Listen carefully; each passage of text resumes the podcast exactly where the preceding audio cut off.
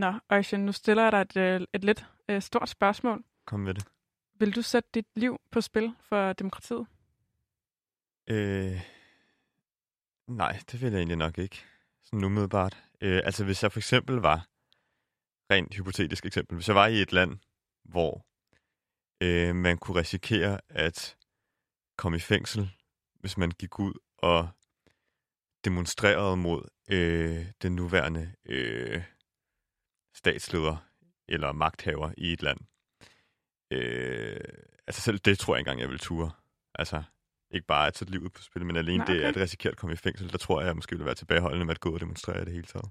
Okay, altså, øh, der er jo mange grunde til at spørge dig om det her, og man kan også sige, at du jo også haft det lidt gratis ved at sige ja, ikke? Altså sådan, øh, øh, omkring det, fordi vi jo netop lever i et land, hvor man godt kan udfordre det, uden nødvendigvis at, øh, at sætte sit liv på spil, ikke? Det er det. Men der er jo mange, der har forholdt sig til det, til det her, og jeg har hørt for et par uger siden i Genstart, øh, Anders Fogh øh, udtale, at øh, han kunne ikke leve i et undertrykkende system, og at det var helt enkelt. Øh, og at han mente, man havde to... Øh, man havde et valg mellem to ting. Man kunne enten lade sig undertrykke og leve et uselt liv, eller så kunne man gøre noget ved det, og, øh, og han ville gøre noget ved det. Øhm, så han er i hvert fald måske lidt mere... øh, han er ikke så bange for at udtale, i hvert fald var sikker på, at det ville han gøre, hvis han levede et undertrykkende øh, samfund. Ja. Så vil han, så vil han øh, ofre sig selv for demokratiet. Men, øh, og et eller andet sted, så kan man jo også godt følge ham. Altså, det er forfærdeligt at leve i et land og vide, at der er bestemte ting, du ikke øh, kan skrive, uden at det kommer til at have enormt store konsekvenser mm. for, øh, for dig og dit ved og vel. Præcis. Øhm, men altså, Ja, man kan også sige, jeg tror også, de fleste mennesker i dag vil, øh, vil også sige, at de vil ønske, at de havde været modstandsfolk i, under 2. verdenskrig, ikke? og hvis der kom noget lignende igen, at de så var på den side af det. Øh, men det er selvfølgelig ikke sikkert, at man så, når, når realiteterne kommer, og den store offring står lige over for en, at man så mm, er villig til at gøre det. nej, det gør det ikke. Men det er jo blandt andet det, vi kommer til at snakke om i dag. Hvor meget tager man sætte på spil øh, for at kæmpe for et øh, demokrati? Og nytter det så, når man sætter nogle ting på spil, når man sætter sit liv på spil eller sin frihed, nytter det så? Nytter protester? Og øh, nytter det at indføre sanktioner mod et land, som begår nogle, øh, hvad skal man sige, nogle udemokratiske indgreb mod øh, sin egen befolkning?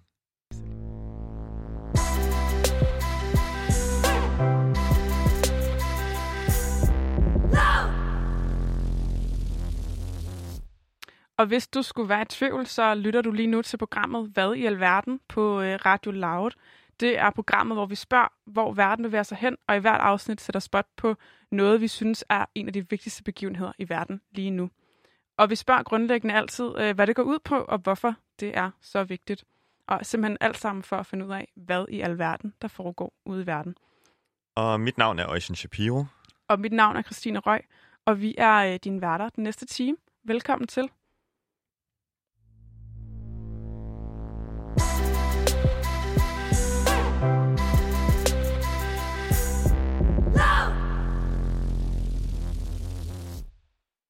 Og øh, måske er der nogen, der allerede har en idé om, hvad det er for et land, øh, vi vil øh, snakke om i det her afsnit, fordi vi vil selvfølgelig zoome ind på det, der sker i Hvide Rusland for tiden, fordi det er så vildt. Og et eller andet sted også øh, svært at forholde sig til, fordi det er så ekstremt noget af det, der sker i det land for tiden. Øh, og det er svært at finde ud af, hvordan vi skal reagere på det udefra. Øh, og det er blandt andet noget af det, vi skal diskutere i dag. Men hvad er det helt konkret, der er sket? Øh, man kan jo for eksempel starte øh, med den historie, som fandt sted i sidste uge, som der har været øh, selvfølgelig enormt meget omtale af, øh, som de fleste nok har hørt om, som jo startede med, at øh, der var et fly, som fløj fra øh, Athen i Grækenland til øh, Vilnius i Litauen, som øh, på vej til Litauen pludselig blev øh, stoppet, da det fløj over Hvide Rusland. Og det gjorde det, fordi der var nogen, der havde ringet og fortalt om, at der var en bombe i flyet. Og i det fly befandt en øh, journalist sig, en ung journalist, som hed Roman Protasevich, øh, sammen med sin kæreste Sofia Sapega. Øh, og øh, da det fly så lander i Hvide Rusland, så bliver de som noget af det første anholdt, begge to. Og det har selvfølgelig vagt enormt meget reaktion. Øh, hvem er Protasevich? Han er jo en, øh, en øh, magtkritisk journalist, først og fremmest. Han har øh, skrevet meget om øh, valgsvindel, især siden øh, ja, selvfølgelig det store valg, der var i Hvide Rusland øh, sidste år i 2020 i august. Så har han været redaktør på et, øh, et socialt medie, som øh, ikke mange kender til i Vesten, men som er meget udbredt, især i nogle lande i Østeuropa, som hedder Telegram. Øh, og det er det, fordi det har fungeret som sådan en platform for øh, magtkritikere og øh, for øh, demonstranter, især når der skulle organiseres store demonstrationer i et land. Så er det faktisk på det medie, at det tit har foregået, og det er måske en af grunden til, at Hvide Ruslands præsident Lukashenko har set sig så sur på ham her, Protasevich, fordi øh, han var en af dem, der udnyttede det til fulde og fik brugt Telegram og organiseret, øh, eller været med til at organisere nogle masse protester øh, siden det store valg der fandt sted sidste år. Øh, og så har han også dækket øh, en anden kendt oppositionspolitiker, som hedder Svetlana Tikhanovskaya, som stillede op til valget i Hvide Rusland i 2020 og startede også en stor demokratibevægelse der, og nu bor i eksil i Litauen. Øh, og der er jo altså en af de skræmmende historier, der har været i kølvandet på det her, hvis det ikke i sig selv er skræmmende nok, så er det jo, at man har set videoer, der er blevet udsendt af den belarusiske regering, hvor øh, Protasevich sidder foran et kamera øh, og siger, at han bliver behandlet øh, godt i det her fængsel, øh, og at han nu er ved at blive øh, undersøgt for øh, øh, terrorisme. Øh, samtidig med, at man kan se øh, mærker fra øh, tortur øh, på hans krop.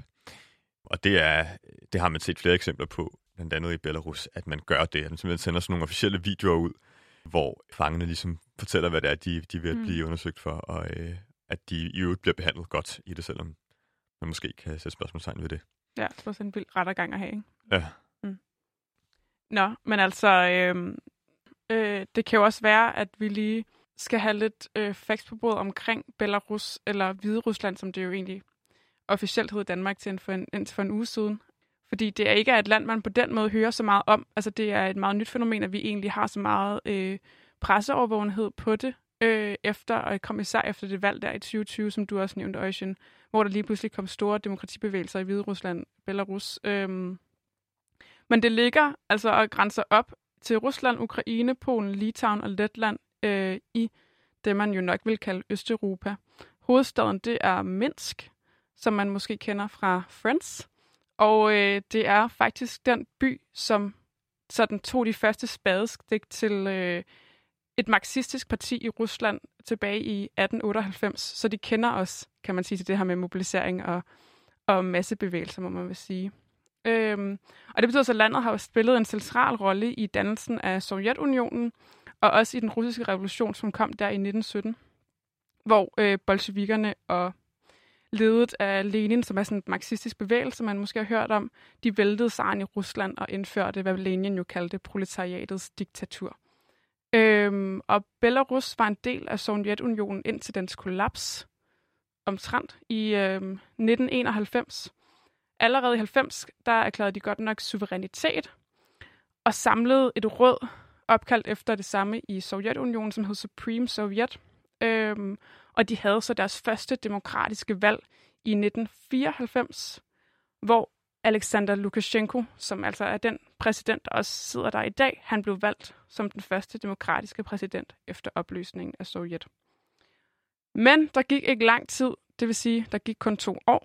I 1996 så lav, øh, holder Lukashenko en folkeafstemning, i hvert fald efter eget udsagn en folkeafstemning, om en forfatningsændring, der giver ham stort set ubegrænset magt som præsident. Han får blandt andet retten til enerådet at udpege ministre og dommere til forfatningsdomstolen og retten til at gennemføre lovforslag uden parlamentets opbakning. Og det gør jo de facto ham til enerådig øh, leder. Ja, and the rest is history. Øhm, det har vi jo hørt om nu.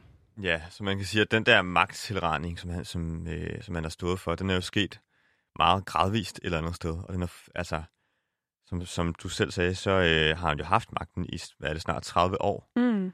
Ja. Øh, og har øh, gradvist forøget sine beføjelser. Og det er jo også sjovt, at øh, alle de her demonstrationer, vi ser, at de sker i dag.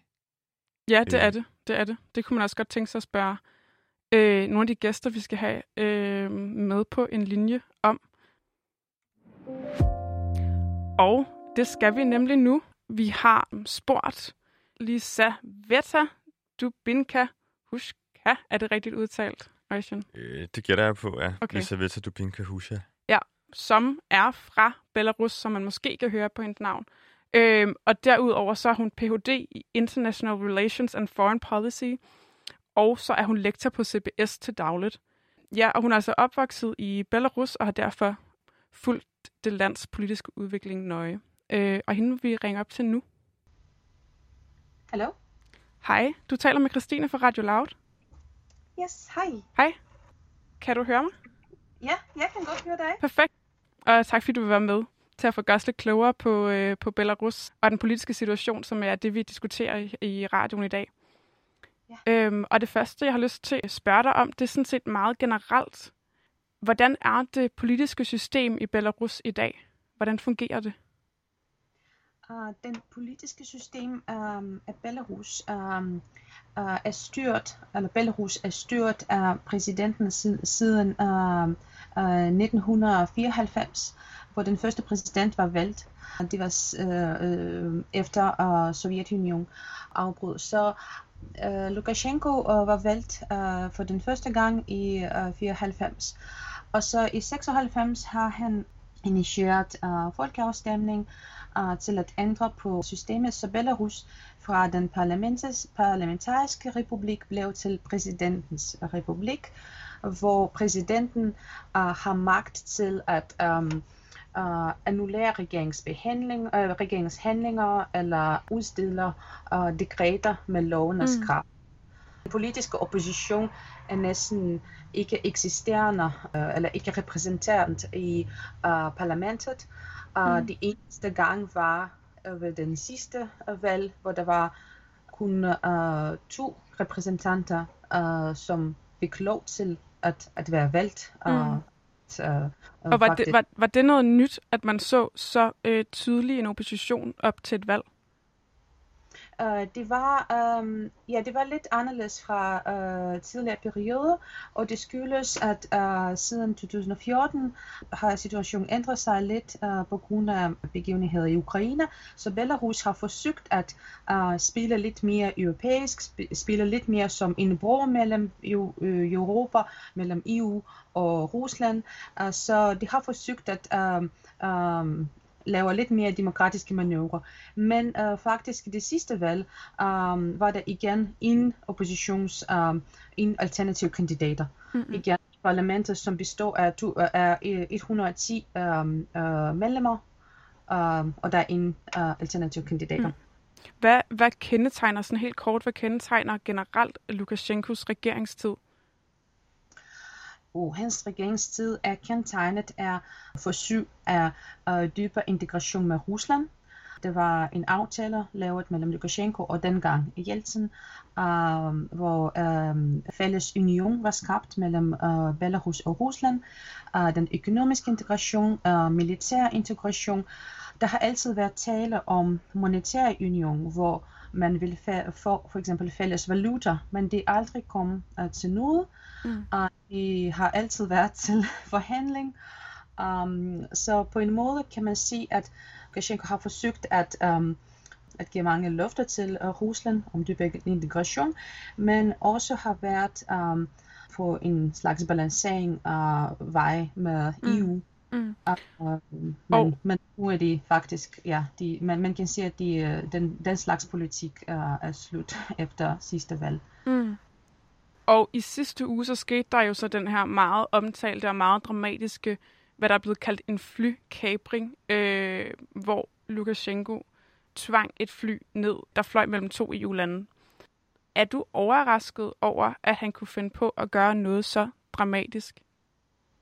Um, svaret er både ja og nej. Fordi selvfølgelig, når den slags uh, ting sker, er det, uh, får man en chok, og man kan næsten ikke uh, forstå, at uh, det, det er så grænseoverskridende, at um, man kan ikke forstå, hvordan kan man lade, uh, lade um, sig gøre med det.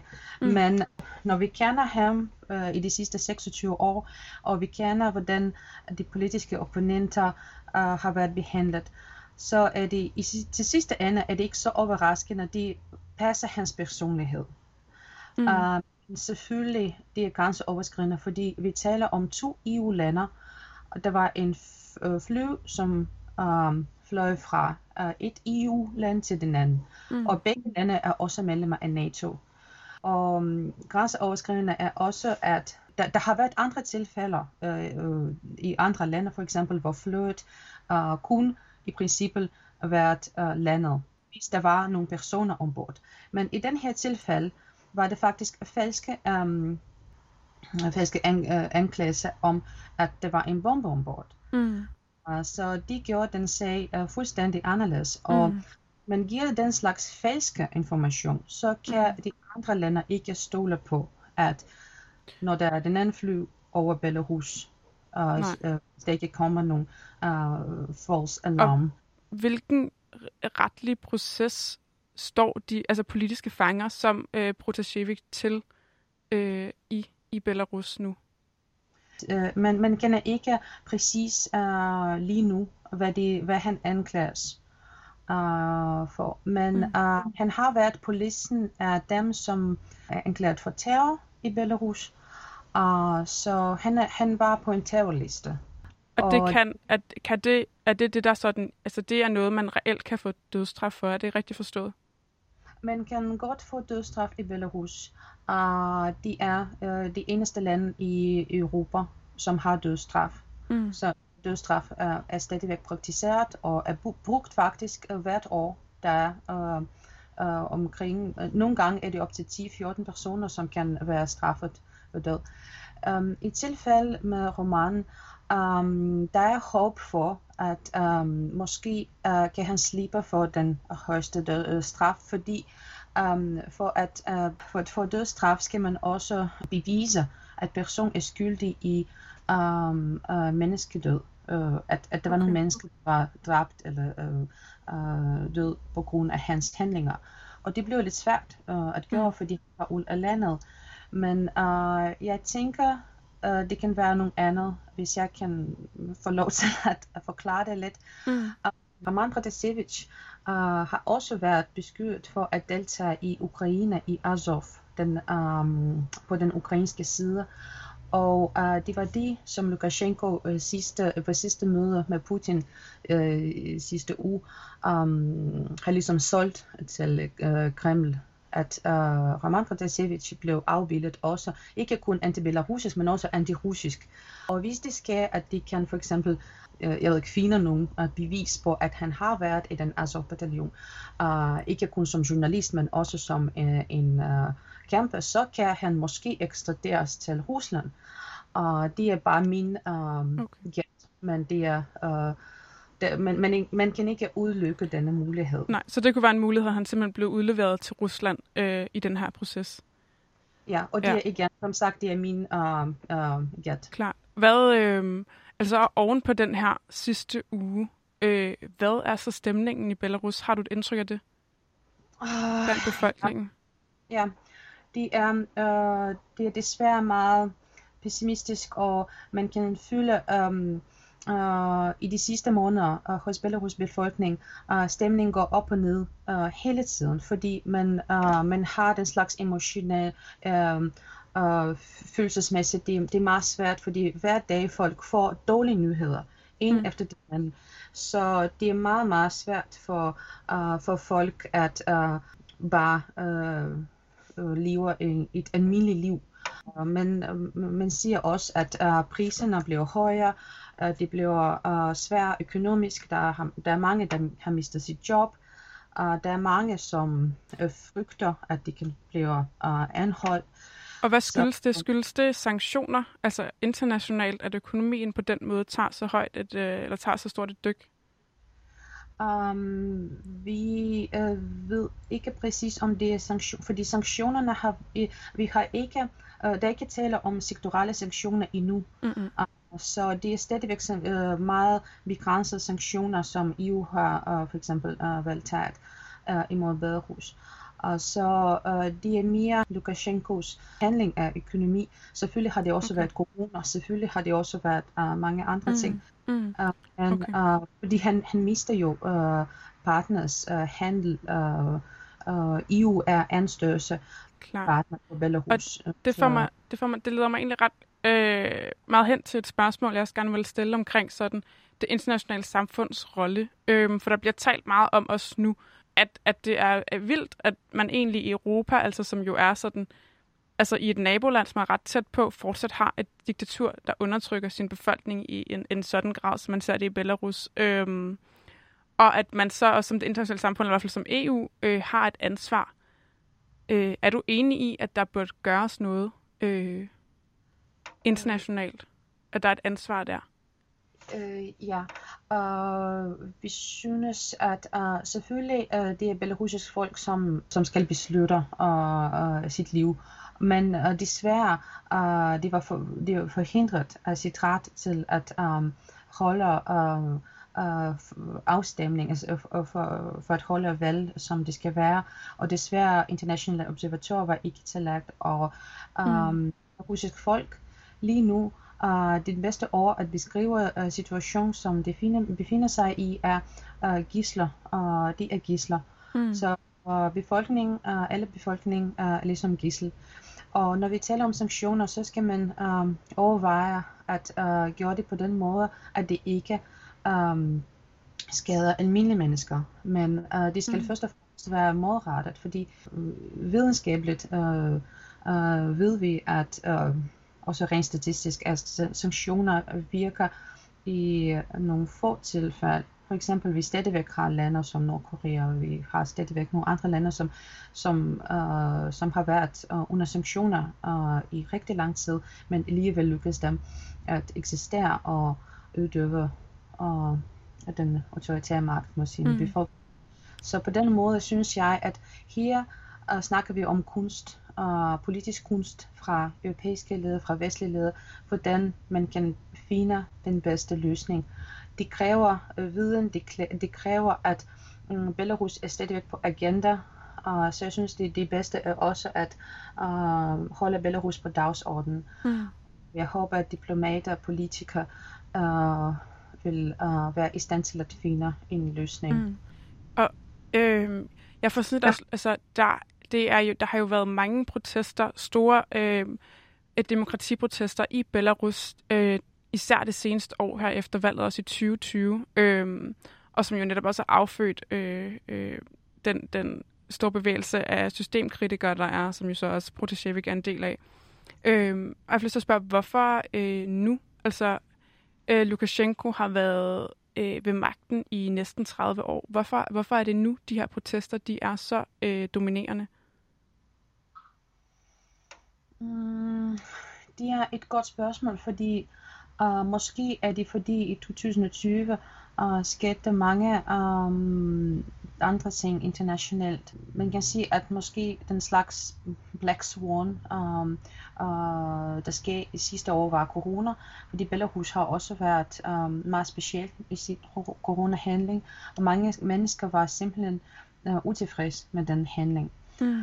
Uh, men uh, man kan også sige, at uh, uh, selvom der har været mange år, uh, men uh, nu uh, var det også tydeligt uh, for folk at uh, få nogle bevis, uh, at valg var forfalsket. Fordi mm. i de tidligere år har det aldrig været sådan nogle kampagner, hvor uh, folk kunne markere, hvordan de har stemt, og bruger mm eksempel tegn på, hvordan de har stemt. Og, og det du også henviser, det er det, det, de billeder, der som folk også har samlet på nettet af deres, øh, af deres valgblanket, og så det kryds, de har sat, så de på en eller anden måde kunne samle et indtryk af, hvad folk reelt, øh, hvor de reelt har sat deres kryds. Ja, ja mm. præcis. Så det har været, uh, der, det, det, det har været uh, innovativt. Uh, mm. uh, jeg får lyst til at spørge lige her til allersidst, øh, hvad er efter din vurdering fremtiden for demokrati i Belarus nu? Uh, jeg vil gerne være um, mere fuld af håb. Jeg vil gerne være optimistisk for, for Belarus, fordi det er et land, som er europæisk i sit uh, kultur, uh, historisk set. Um, sproget er også meget uh, tæt på uh, det vestlige sprog, vesteuropæiske sprog. Mm. Uh, så der, der er en stor potentiale Mm. Uh, det er meget svært at vurdere, hvor lang tid det vil tage. Fordi uh, sidste efterår uh, var folk meget uh, fuld af håb um, og gik på gaderne. Men nu kan vi se, at det lykkes for systemet at, at ligesom skrue meget hårdt ned. Mm. Og vi ved ikke, hvor lang tid det, det kan tage. Det kommer an på også, i hvor lang tid Rusland vil gerne uh, holde Lukashenko ved magten. Mm. Fordi vi ved, at han er dybt afhængig af Rusland. Han er mere afhængig af Rusland nu, også på grund af de europæiske uh, boykottering, sanktioner. Så der er, der, der er en del på spil der, altså både international, dy, internationale dynamikker og øh, handelsafhængighed, og så også befolkningens øh, egen position over for Lukashenko. Øh, vi når simpelthen ikke mere nu, men du skal have tusind tak for, at du vil være med og give os øh, så grundig en indføring i, hvad det er, der foregår øh, i Belarus lige i øjeblikket. Selv tak, det er en fornøjelse. Ja, tak. Hej. Du lytter til programmet Hvad i alverden på Radio Loud. Mit navn er Øjsen Shapiro. Og mit navn er Christine Røg. Vi diskuterer i dag øh, Belarus og øh, hvad der foregår der. Hvad, der, hvad er status nu her, øh, efter der er gået en uges tid, efter den dramatiske flykabring og tilfangetagelse af Roman Protasevich. Øh, og vi har lige talt med, med lektor på CBS, Lita øh, Dubinka, og øh, hun har givet sin indføring i, hvad det er for et samfund, øh, de står overfor, øh, eller hvad det er for en samfundsforandring, de står overfor i øh, Belarus, den befolkning, der i over et år nu har demonstreret for øh, demokrati, i hvert fald store dele af befolkningen. Og noget af det, vi jo så var inde på, og som jeg også spurgte hende til, det er det her med det internationale samfunds rolle. Det er jo også noget, det vi har hørt meget. Hvad øh, gør det, at de fly, de skulle flyve mellem to EU-lande, og det på den måde var en det blander jo EU ind i det automatisk, kan man sige. Så er det ikke bare et nationalt anlæggende, men det var Om vi jo... ved det eller ej, kan man næsten sige. Præcis, præcis. Øhm, så et spørgsmål er jo, altså, øh, hvad er så det internationale samfunds rolle, og kan det internationale samfund overhovedet have en, en positiv indvirkning på forandring i et land øh, som Belarus? Mm.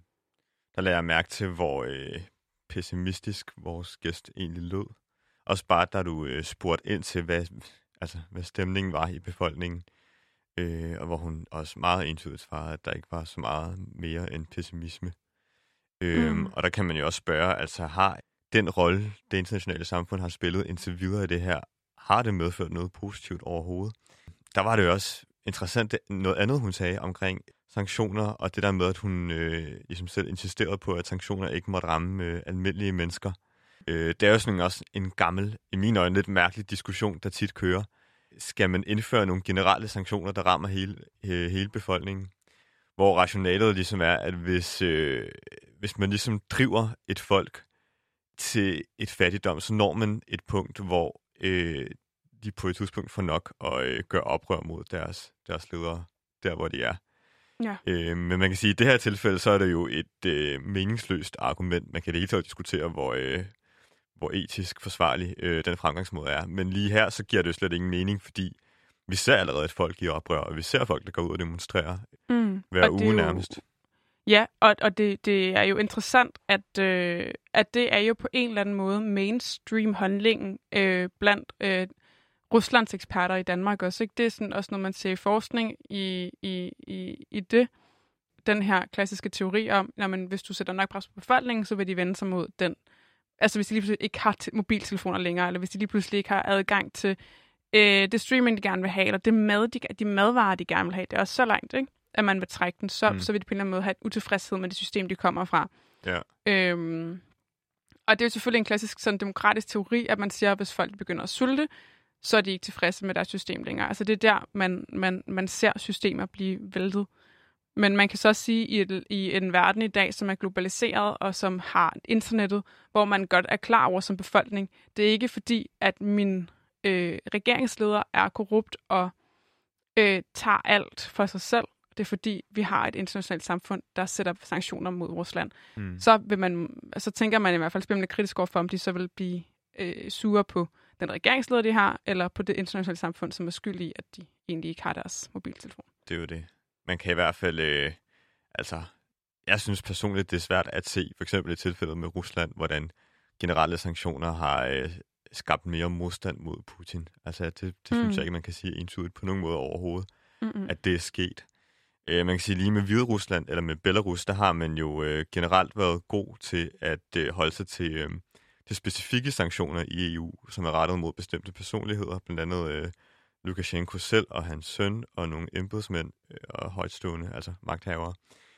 Øh, men man har for eksempel så også efter den her historie fandt sted her med de her fly øh, og flykabringen, så har man jo indført et forbud mod øh, hvide russiske fly at lande i EU. Øh, og i øvrigt også opfordret til EU's øh, luftfartsselskaber om ikke at flyve over øh, Hvide Rusland. Og det er jo også noget, der et eller andet sted kan ramme befolkningen bredt øh, økonomisk. Øh. Mm. Ja, og, og jo også forhindre deres, altså deres mobilitet. Ikke? Altså sådan, så kan de vel heller ja. ikke, de har vel også svære ved så at rejse ud af Belarus, øh, de mennesker, som, som befinder sig der. At, man, ja. at, at det positivt, at man afkobler den befolkning, eller isolerer dem øh, under en, en diktator. Ikke? Eller skyder EU sig selv i foden måske med det her mm. i virkeligheden. Ja, og man kan jo sige, altså den, det andet alternativ, man har normalt, er jo den her øh, RTP, som den hedder, Responsibility to Protect, men som, som, er, som er vedtaget internationalt og siger, hvis, hvis en, for at beskytte befolkninger, så hvis der foregår etnisk udrensning for eksempel, så kan man godt intervenere i det land, som det hedder, og, og gå ind i det land. Men altså først, når man er derude, og det er der selvfølgelig ikke tale om i, øh, i Belarus, som man heller må øve sig at sige, øhm, nu. Og det er jo lige derfor sanktioner på en eller anden måde, den måde, man sådan kan påvirke et eller andet internt i landet. Ikke? Øhm, ja, altså, okay, sidste sjov øh, lille side note, mm. det er for eksempel, man kan sige, at det internationale samfund er jo også politiseret, det skal man også være opmærksom på. Et eksempel, som der er nogen, der har taget op øh, omkring det med flykabringer, har været, at øh, tilbage i 2013, da Edward Snowden, han, øh, den store whistleblower fra USA, som jeg også taler om i et tidligere afsnit, øh, han, han flygtede fra USA, øh, og USA forsøgte at få kløren i ham. Der fly, eller kabrede de så også øh, Bolivias præsidentsfly i Europa, øh, Morales, øh, som han hed. Øh, og fik det til at tvangslande i Østrig i 14 timer, hvor de så gennemsøgte flyet for at finde Snowden.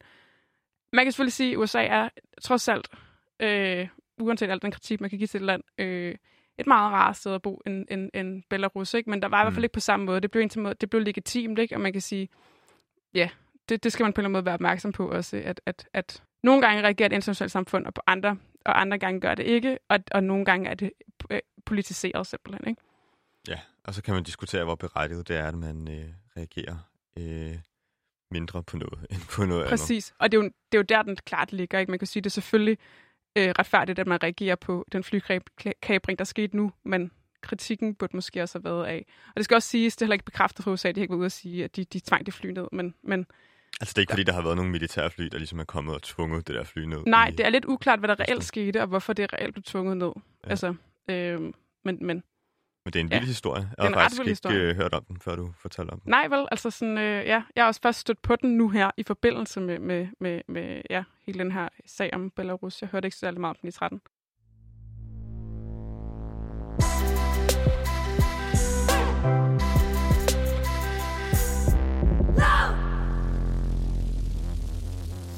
Vi har snakket meget om, hvorvidt det nytter at indføre nogle sanktioner mod Hvide Rusland, hvorvidt det nytter at øh, give udtryk for en eller anden protest på sådan et mere abstrakt øh, officielt niveau. Men spørgsmålet er også, om alle de mennesker, der er ude og øh, demonstrerer og gør det øh, jævnligt i Hvide Rusland, men også udenfor, øh, om det, at de demonstrerer, om det gavner og øh, det, det synes jeg personligt er noget af det mest interessante ved det her, fordi vi ser folk vidderligt, altså som vi også startede med at snakke om, vidderligt gå ud og øh, øh, betale med deres frihed. Nogle betaler med deres øh, altså kroppe. De bliver udsat for øh, tortur i fængsler. Øh, og øh, nogle betaler endda med deres liv. Og øh, det øh, er blandt andet noget, vi gerne nu vil snakke om med en, øh, en person, der er meget aktiv i demonstrationer uden for Hvide Rusland. Øh, altså et mere sikkert sted, kan man sige, nemlig i København øh, foran Christiansborg. Han hedder øh, Nikita Shelenok, og han er øh, formand for det, der hedder Talaka Venner af Belarus i Danmark, en slags hviderussisk øh, venneforening, som står for os at organisere nogle demonstrationer jævnligt i København. Og ham vil vi prøve at få fat på nu. Hej Eugene. Hej Nikita, kan du høre mig? Yes. Godt, så lad os bare øh, starte, starte direkte på. Øh, vil du fortælle øh, lidt om dig? Hvad er dit forhold til Belarus, og øh, hvorfor er det, du går op i hviderussisk politik? Ja, øhm, jeg er jo 33, arbejder inden for IT, altså Belarus er vigtigt for mig, men øh, ikke så meget om politik, men mere om menneskeheden. Altså, der er jo belaruser, mennesker, der bliver snydt og forfulgt og benægtet for deres øh, basale rettigheder. Ja. Og jeg skal ikke skylde, at altså, jeg kommer selv fra Belarus, opvokset der, og har været, men har været her i Danmark siden jeg var teenager. Så, øh, men til sidst, og ikke mindst, altså, for mig det har også været sådan lidt øh, altså en dansk, nydansker på en måde, øh, altså tage ansvar for de ting, hvor man kan gøre et forskel. Øh. Mm. Ja. Er, det, er det egentlig noget, du føler har været, øh, hvad skal man sige, nemmere eller mere oplagt her, end øh, da du boede i Hvide Rusland? Uh, altså at være politisk aktivt, eller hvad mener Ja, og det du taler om med at uh, tage ansvar og prøve at, at ændre på uh, situationen. Nu har jeg jo været en teenager i Belarus, altså vi, ja, okay. vi familien til Danmark på, på grund af nogle økonomiske årsager. Mm. Og så tager man langsomt, uh, mens man boede i Danmark, at der var også måske nogle andre årsager til, at man ikke uh, gad at flytte tilbage, tilbage til Belarus. Mm-hmm. Uh, og jeg er sådan blevet politisk aktiv kun inden for de sidste år. Altså, der er jeg mødt andre belaruser til en uh, demonstration i København. Okay, ja. Øh, og det er også noget, vi skal snakke om her, fordi du er også medlem af den her forening, som hedder øh, Talaka Venner af Belarus i Danmark. Ja. Øh, du, du er faktisk formand for øh, foreningen. Og hvad er det for en, øh, for en forening? Hvad, hvad går det ud på? Altså, det er en forening, øh, som består af danskere og belarusere, hvor vi sådan officielt primært forsøger at forene borgere og organisationer med tilknytning til Belarus i Danmark. Ja. Så det er jo en meget bred vifte, ikke?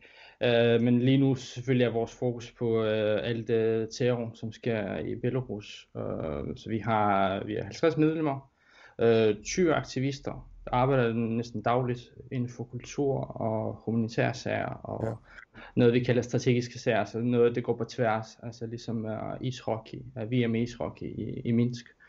Um, og det er noget vi forsøger at have indflydelse på. Uh, men igen, det er jo en uh, frivillig forening, så vi har ikke nogen ansatte. Uh, det er mm. bare mødre og, og forældre med børn, der forsøger at uh, gøre et indsats om aftenen. Okay. Kan du sætte nogle flere ord på, hvad det er for en form for aktivisme Øh, der er forskellige ting. Ja.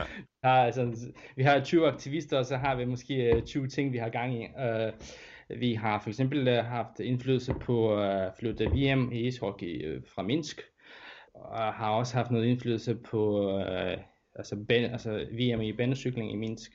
Uh, vi forsøger også at lave nogle oplysningskampagner her i Danmark, altså indføre nogle fotoudstillinger og uh, forbinde altså, uh, teaterfolk fra Danmark og Belarus. Mm. Uh, vi har indsamlinger. Altså. der er så mange ting, hvor man kan gøre indsats og altså hjælpe Belarus i dag. Og vi har svært ved at sige nej til de ting. okay.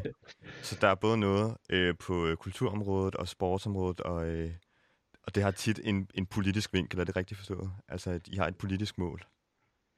Uh, altså vi har et menneskeligt mod, at, at, at terror i, i Belarus uh, skal stoppes. Altså vi har ikke direkte samarbejde med nogle bestemte politiske grupper. Mm. Uh, vi snakker gerne med politiske partier, med oppositionen i Belarus, uh, men vi har ikke sådan særlig tilknytning uh, til nogen. Altså vi vælger selv i foreningen, hvad vi synes er bedst for os og for mm. vores initiativer.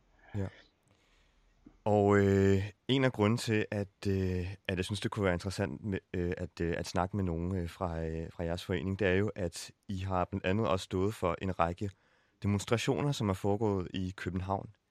Ja. Øh, blandt andet var der en i fredags, øh, hvor I øh, lavede en øh, støttedemonstration for øh, løsladelsen af Roman Protasevich. Ja. Hvad er det øh, sådan generelt, I håber på at opnå med de her demonstrationer? Kan, kan du sige noget, øh, noget generelt om det? Men det er jo generelt, altså formålet er jo generelt at skabe opmærksomhed for danskere, øh, også for os selv, at vi er enige om, at det skal stoppes. Øh, vi har selvfølgelig ikke nogen sådan specielt krav til øh, Christiansborg eller Folketinget, øh, men det er jo sådan mere et awareness-kampagne, for at sige, at problemerne i Belarus, Belarus er jo øh, stadig relevante. Øh, oppositionen eller frihedsbevægelsen er stadig i gang. Og ting de skalerer sig. Altså, vi ser, at uh, terror bliver mere grusom. Altså, der er politiske fanger, der begynder at begå selvmord. mm. i, ret, øh, i retssalen, fordi øh, de kan ikke klare det mere mm. øh, under alt det tortur. Så, øh, men der er også et slags socializing i det, at øh, vi belaruser og, og, og vores støtter øh, kan mødes øh, i, mindst, i København og se hinanden i øjnene og sige, at vi står sammen. Mm. Fordi altså, det er jo meget svært at arbejde sammen i covid-tiden, altså bare online og chats. Øh, det er klart. Men kan man sige, at, det, at de så også på den måde støtter hinanden mentalt ved at samles til de her? Uh, det gør vi bestemt. Det gør vi bestemt. Det er også uh, på den måde, vores forening blev stiftet. Altså, vi, uh, altså det var for et år siden. Uh, vi kendte nem, nærmest ikke hinanden, fordi der er kun 800 belaruser i, i Danmark. mm. uh, så uh, vi kender hinanden kun inden for de sidste år. Ja. Og vi har jo set, altså alene i den seneste uge her, har vi jo set forfærdelige billeder og videooptagelser fra blandt andet ja, hvide russiske fængsler med politiske fanger, som forsøger at begå selvmord. Øh, og øh, mit spørgsmål er også, du siger, at I forsøger at skabe opmærksomhed omkring det her. Er der egentlig ikke nok opmærksomhed om det i forvejen? Jeg synes, at, øh, at mediebilledet er enormt fokuseret på de problemer, der sker i Hvide Rusland. Og alligevel ser det ikke ud til at hjælpe særlig meget på, på, på situationen. Eller hvad? Ja. Øhm, jeg kan godt forstå tanken, øh, men terror fortsætter jo. Ja. Øhm, og som vi ser som største redskab for at stoppe alt det terror i Hviderusland, er jo er sanktioner. Øhm, det har jo lykkes, altså nu har jeg været politisk aktiv inden for, kun inden for det sidste år eller to, men uh, uh, så vidt jeg ved, altså det lykkes for at uh, få løslet de politiske fanger før i Belarus uh, med sanktioner. Så det er noget, vi hopper meget på. Øh, men sanktioner, de skal ikke for sig selv. Altså, vi ved ikke, hvornår den fjerde pakke kommer ud, øh, selv efter flykobling. Så det er jo, øh, så det er også derfor, at vi forsøger at skabe opmærksomhed på forskellige vinkler og, og retninger. Øh, mm. Vi er jo ikke politikere, så vi, vi har lidt kendskab til, hvordan de ting og processer, de fungerer. Mm. Selv foreningsarbejdet for os er meget nyt. Øh, ja. Så ja, det er meget, vi er i gang. Mm. Men er det sanktioner fra EU's side, I går ind for? Altså er det kun på, øh, på EU-niveau, at I mener, at, øh, at det giver mening? Øh, mindst EU vil være nok i starten, øh, fordi øh, der er jo meget eksport, der skal øh, til EU øh, i dag. Øh, Lukashenko har få indkomstskiller, som man kan have indflydelse på. Altså olie, potaske, kalium, tre øh, statsproduktioner, hvis man kan kalde det for eksport. Ja. Øh, og faktisk også smugling af cigaretter. der har været et, øh, et artikel, at øh, han smugler faktisk øh, cigaretter for omløb af 2 milliarder dollars mm. cirka om året. Så, det, um, så der, er ikke, der skal ikke meget til til at øh, give et signal til Lukashenko, at nu skal det stoppes. Mm. Øh, um, Øh, men øh, jeg tror, at øh, vi begynder at miste vores øh, tålmodighed over for EU. Øh, jeg ved, at det begynder, man begynder at tale om, at øh, der skal flere protester til at øh, tvinge EU til at agere nu her. Fordi det er det, vi kan gøre i eksil, altså, eller os, som har øh, flyttet til udlandet. Mm. Hvad er det, I mener, EU ikke gør nok? Øh, der har jo været... Øh, Altså i bund og grund, øh, at man er alt for langsom til at indføre de sanktioner. Fordi øh, pakken 4 har været i tankene i et stykke tid, og øh, vi har endnu ikke set, at den var i gang sat. Øh, er, det, er det blandt andet derfor, I går ud og demonstrerer? Er det en af de mål, I ligesom vil prøve at, øh, at forfølge? Øh, ja, det er jo klart en af de primære redskaber ja. for at stoppe det PT. Ja. Der har jo været nogle generelle øh, debatter omkring det her med sanktioner, og hvorvidt de gavner. Øh, der er jo nogen, der mener, at jo flere sanktioner man indfører fra EU's side, jo tættere vil Hvide Rusland rykke, rykke ind til Rusland for eksempel og alliere sig med, med Putin. Hvad, øh, hvad vil du sige til den øh, kritik? Ja, det er jo et meget svært spørgsmål, øh, og delvis er jeg også enig i det. Øh, men igen, altså jeg går ind for mennesker, altså mennesker, som bliver tortureret lige nu her. Der er jo tusind politiske fanger, Uh, vi ved ikke, hvor mange procent af dem bliver tortureret. Så hvis uh, sanktioner kan hjælpe nu og her, så skal det også indføres. Uh, så tager vi Rusland som næste skridt. Uh, men det er jo selvfølgelig også en meget farlig retning for os. Okay, lad os uh, prøve at uh, zoome ind på nogle af de her demonstrationer, der så har fundet sted foran Christiansborg. Hvad, hvad var den sidste, du selv var med til egentlig? Uh, det var faktisk uh, på i ved Nyhavn, i februar måned. Ja. Øh, det var også angående politiske fanger, men der var vi meget, altså ganske få personer. Og så har vi haft uh, to demonstrationer siden. Um, ja. Okay. Har du en idé om, hvor mange der egentlig møder op, og øh, hvad det er for nogle mennesker? Altså er det primært hvide russere, der mødes, øh, eller er der mange danskere, der også er med til de her? Uh, der er altid nogle danskere selvfølgelig, øh, men altså i de bedste tilfælde var vi måske 100-200 personer. Uh, 50 personer måske kommer af selv belarusere, uh, lidt danskere, måske nogen, som er gift med belarusere i Danmark. Uh, men for, for de sidste demonstration, der havde vi også uh, støtter fra Ukraine og Rusland. Uh, vi snakker, eller vi er i god relation med uh, ukrainske uh, forening, uh, eller også uh, diaspora, men også uh, med, med det russiske Uh, der er en uh, slags ny forening, jeg ved ikke om de er blevet til en forening egentlig, men altså de går for, for hjælp af Navalny. Ja. Så det støtter vi også sådan indirekte. Og uh, vi var også med til deres demonstrationer et par gange, uh, så der er et godt forhold uh, om de fælles værdier. mm. Ja, øh, og jeg har selv været med til sådan en Navalny-demonstration, for at det skal være løgn. Øh, men øh, det var så noget lidt andet. Øh, føler du dig hørt af den danske regering med, altså med jeres demonstrationer? Har der været nogle eksempler på, øh, på nogle tiltag, som måske har været affødt af, at de har demonstreret? Øh, det er jo svært at skabe sådan en direkte relation. Mm. Jeg tror også med ishockey, der så vi, at øh, fordi jeg kunne også øh, have sådan forståelse af, hvad det, skete, øh, hvad det skete inden af de der beslutningsprocesser. Altså jeg havde lidt indblik på det. Altså så kunne jeg øh, sådan forstå med det samme, at, der skal meget tid til, at et eller andet sker på øh, i begivenheder. Og det er jo ligesom med, sammen med de demonstrationer. Altså, øh, jeg tror ikke, der er en direkte relation, øh, mm. men øh, vi håber på, at det gavner et eller andet sted. Øh, øh, dansk regering øh, støtter os øh, ofte med år. Øh, Udrikningsministeriet øh, støttede os og bakkede op om, øh, at man skulle ikke øh, opkøbe øh, de belarusiske statsobligationer. Mm. Har det hjulpet? Det ved jeg ikke, men det lykkedes med altså, at overtale uh, finansielle institutioner i, i Danmark til at uh, sige, uh, altså, sige fra for de der statsobligationer. Um, og Danmark og vores diaspora blev altså, lige pludselig kendt på verdensplan, altså mindst blandt belaruser, uh, fordi vi var så moden og etiske til at sige fra de ting. Så, men vi, gerne, vi ser gerne altså mere støtte fra regeringen der er ikke, øh, vi kan ikke se, at der er, der er nogen forhindring til, at Danmark kan spille endnu mere aktiv råd i det.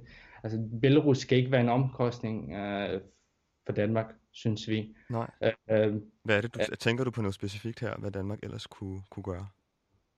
Øh, jamen, altså, bare meget, altså, meget simpelt. Altså, ude af sanktioner, ude af at hjælpe flytninger, ude af at hjælpe studerende og politiske fanger. Altså, øh, man kunne se på Polen, altså Polen har udgivet øh, 8.000 IT arbejdstilladelser til øh, øh, folk fra Belarus, altså som, som besluttede at flygte fra regimet. Um, og man har bare lyst til at stille spørgsmål til, til Danmark med det samme, altså, og alle danskerne, så mangler vi ikke IT arbejdskraft. Så, og det er derfor, jeg ser, at altså, Belarus skal ikke være en omkostning for Danmark. Der er også øh, mange muligheder, hvor man kan både hjælpe Belarus, men også få gavn af det. Mm. Godt. Uh, her til sidst, du udtalte jo i, i øh, et interview til Berlinske i august sidste år, hvor der også var en demonstration, øh, dengang i kølvandet på, øh, på det valg, der var i Hvide Rusland. Og der sagde du, at når du så på situationen i Hvide Rusland, øh, fyldtes du med, med både chok og håb. Hvilke følelser fyldes du med nu? Har ja. det ændret sig siden? Jeg tror, at chok blev lidt til en trauma, fordi altså, man ser alle de ting dagligt. Øh, mm. Det har sit eget effekt. Mm. Men håbet er stadig der. Fordi jeg kan se, at vi kæmper stadig, og vi er stadig forenet. Og, og jeg har personligt accepteret, at uh, ændringer kan tage måneder, måske år eller generationer. Uh, men så til gengæld bliver det et godt eksempel for mit søn. ja. Øh, men det er jo alligevel en ret øh, svag trøst, kan man sige. Har, er, er der nogen tegn på, synes du, eller har du noget at begrunde dit håb med? Mm. Ja, altså selv flyklapningen altså, var ikke, øh, et, altså den var både altså, uheldigt og heldigt for os, fordi den har i gang sat nogle uh, sanktioner, uh, nogle diskussioner i gang, uh, selvfølgelig med et bekostning. Så der er altid et hop, man forsøger at fange, men den, det, altså for at være ærlig, det svinger op og ned. Mm. uh, jeg har bare besluttet for at gøre det til mit livssag. Altså. Okay. Og det svinger måske mere ned end op lige for tiden? Øh, Ja, det tør jeg ikke at sige. Altså, altså jeg tror, vi var delvis glade igen for, at EU begynder at snakke om restriktioner mm. flyvning. Øh, men igen, kunne jeg være 100% glad? Ej, fordi det var på en bekostning af Raman. Så. Ja. Alright. Det var, øh, det var, hvad jeg havde. Tusind tak, fordi du ville stille op. Ja, tak også.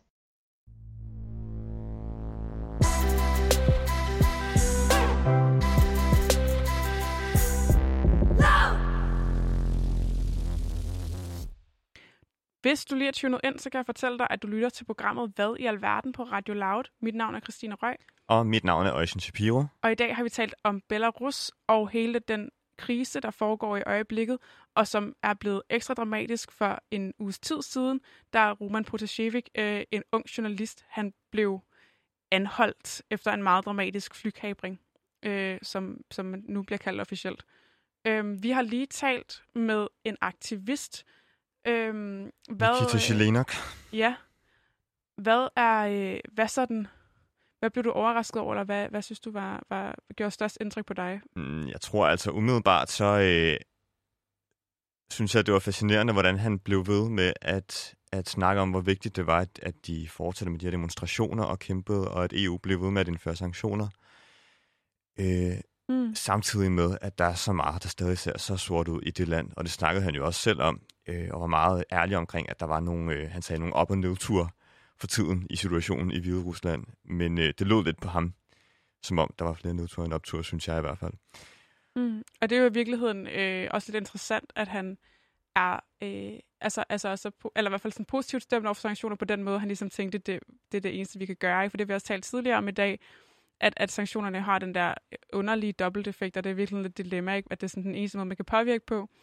Øh, og at han også som borger siger, eller i hvert fald tidligere borger i Belarus siger, at det, det er han sådan set relativt positivt, positivt stemt overfor, fordi det jo har store konsekvenser for, for os bare den almindelige øh, borger mm. i et mm. land, når der rammes af sanktioner. Ikke? Ja, helt klart. Og han anerkendte jo også, at der var den tvetydighed ved det.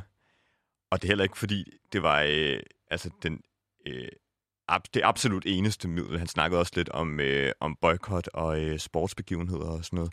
Mm. Øh, men spørgsmålet består jo stadig. Altså hver gang vi ligesom prøver at isolere Hvide Rusland mere og mere, indføre sanktioner mod dem og boykotte dem til sportsmæssige begivenheder og sådan noget, rykker de så ikke tættere på andre diktaturstater?